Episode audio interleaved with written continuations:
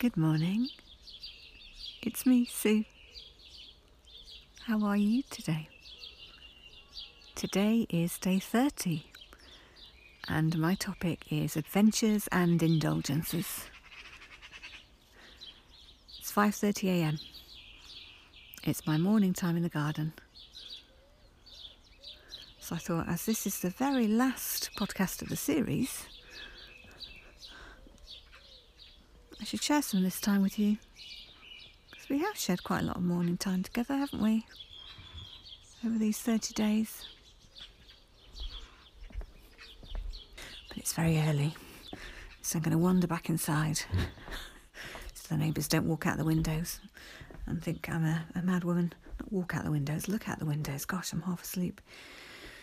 Well, yeah, day 30 of 30, eh? I feel like there should be a, a fanfare or something because it's my very last podcast of the series, but do stay with me to the end, won't you? And I'll tell you what's coming next.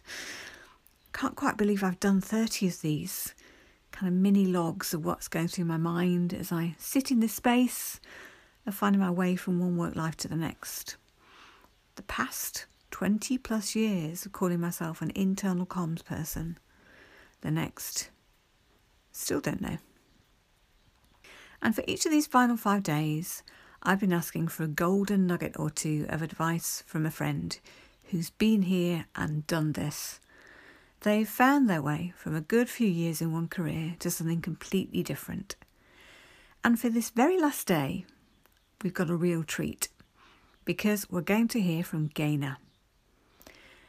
Gaynor and I worked together in corporate comms a long, long time ago. Don't know how long ago actually, 15 years, bit probably a bit longer. But these days, Gaynor is an Arctic dog musher. Yes, you heard me right. She lives in a snowy wilderness in northern Sweden, in the Arctic Circle no less, with her husband and 40 dogs. And together they run a sled dog tour company where their guests drive their own team of huskies through picture perfect snow. I mean, not that Gaynor has made a really major transformation from corporate life to complete remoteness or anything, but she has been the subject of an hour long programme with Ben Fogle called New Lives in the Snow. You might even have seen it, it's been repeated loads of times on the TV. Not surprisingly, I think of Gaynor as an adventurer.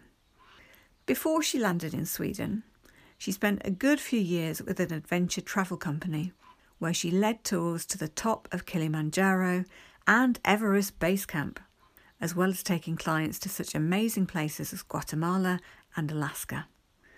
She was also part of a small team who claimed a world record walking 500 kilometres along the skeleton coast of Namibia. I think you might be able to tell why I'm a bit in awe of what she's done. I can hardly comprehend the scale of how much she's changed her life. But enough of me prattling on. Let's hear what Gaynor has to say. Here's her advice to someone looking to make a career change later in life. Hi Sue. My advice to somebody who wants a new career direction would be to just do it. In life, we tend to worry about things. How will I pay the mortgage? What if I make a mistake and hate it? And I think this thinking is responsible for the majority of people not doing anything the fact is, there's always a good reason not to make a change. And if you think about it too much, you won't do anything. So don't think, just do it. Life always throws us challenges, and we'll never know what those will be. So stop worrying about problems that might not even happen. And if you don't know what you want, find a quiet moment and give your mind breathing space to sit and think about what makes you happy. Forget about whether you have the qualifications or not, you can get them.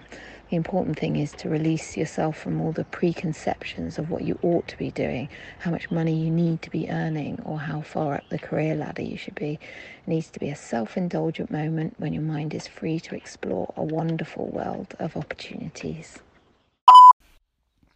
Well, what did you think?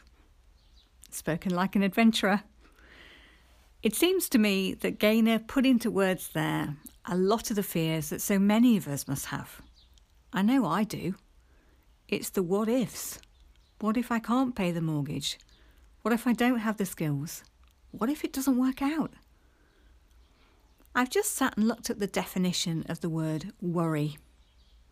In the Cambridge English Dictionary, it says to think about problems or unpleasant things that might happen in a way that makes you feel unhappy and frightened. Yeah, when it comes to having skills, I'm definitely highly skilled at that one. And then I hear Gaynor basically saying, don't let worry stop you living a dream. There will always be things that might happen. There'll always be barriers, and we can either stand behind them or find a way to go around them or push them over or whatever. You might say, easy for her to say. But actually, I remember all those years ago. My memory's kind of hazy about whether Gaynor was still in corporate life or whether she had one foot in and one foot out. I remember she used to do adventure travelly things half the year and then come back and do corporate work for a few months for a while. But anyway, she wasn't living some trouble free, barrier free life that made it any easier for her than it would have been for me, or I guess for many of us to choose to make a change. And if you watch the TV programme about her new life, Ben Fogle's New Life in the Snow, it's not an easy life. It's definitely not a luxury life. But I know she's never looked back to life working in an office here in the UK. And I remember her saying that her perspective changed, that life became focused on almost natural physical things like fetching water from the stream every day and heating it. So I don't look at Gaynor and think she had an easy route to where she is now, or that she's taken an easy option. But I do feel very proud to know her, and the fact that she's taken such a huge step to live her dream. So, Gaynor's thoughts about not letting worries and barriers get in the way make me think of a type of question that's often used in coaching. It's called the magic wand question. And it is, as it sounds really, imagine that you could wave a magic wand over your life, which took away all the barriers, all the worries, anything that could stand in the way of you and your dream. What would you do? What do you dare to dream if you take away all those things that make you say, but I can't? Sometimes it just helps us to see things differently or notice new possibilities if we let our minds run free for a while. And that idea leads me on to Gaynor's second point, which was to say if you don't know what your dream is yet, and I still don't, make some space to sit with it. Indulge yourself. This early morning time is my especially lovely indulgence when everyone except the birds and the wildlife are asleep. I wonder what Gaynor's thoughts are brought up for you today. Could you try the magic wand question? Find a bit of time and space just for you, let your mind wander, maybe get some paper and write or draw. And it feels like a good space for me to pause at the end of these 30 days of podcasts. I know I'm very lucky to be able to take quite a lot of time and space to indulge myself letting my mind wander and think about what if. And what's been on my mind this past week, especially, is that I love being here. I have been so lucky in my work. I've got a photo collage on my office wall of some of the favourite places I've been to on my travels Statue of Liberty, Iguazu Falls, Cape Tribulation, Australia, the Great Pyramids, temples in Thailand. Even at those times when I came home exhausted and in a real grump about airport queues or delayed flights or the fact the blimmin' motorway junctions were always closed for roadworks when I was driving home at midnight, I still used to say, you know, one day I'm going to look back on these times and think, how amazing that I've seen these places. And here I am, doing exactly that. And I guess I'm at an age now where to be honest, I'm starting to lose people around me that I care about. And even our lovely cats have got diabetes, arthritis, hypothyroidism, they're getting older. And what feels more special than anything now is not to be away from home, is being able to stand in my own garden at 5 a.m. and watch the birds. Is being able to give Lucy Cat extra cuddles as I'm counting down to a long drive to see the neurologist with her on Friday.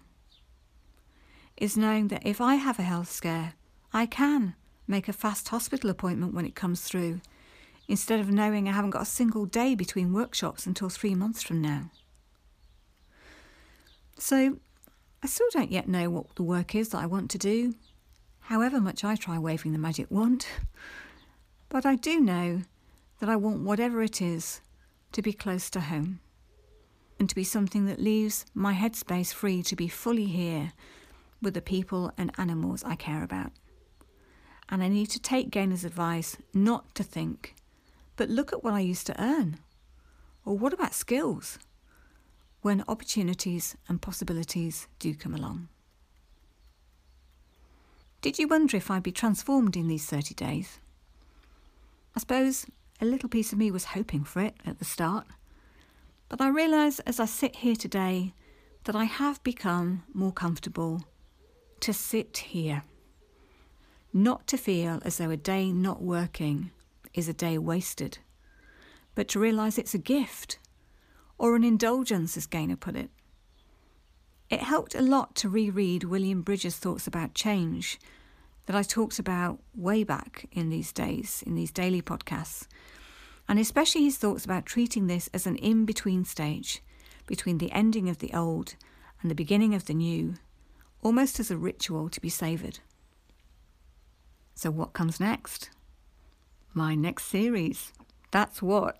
Doesn't it sound grand to talk about a series? I'm in the process of lining up some proper chats with people who've been in this in between space and found their way through it. They've made an end to one work life or career and they found their way to something very different.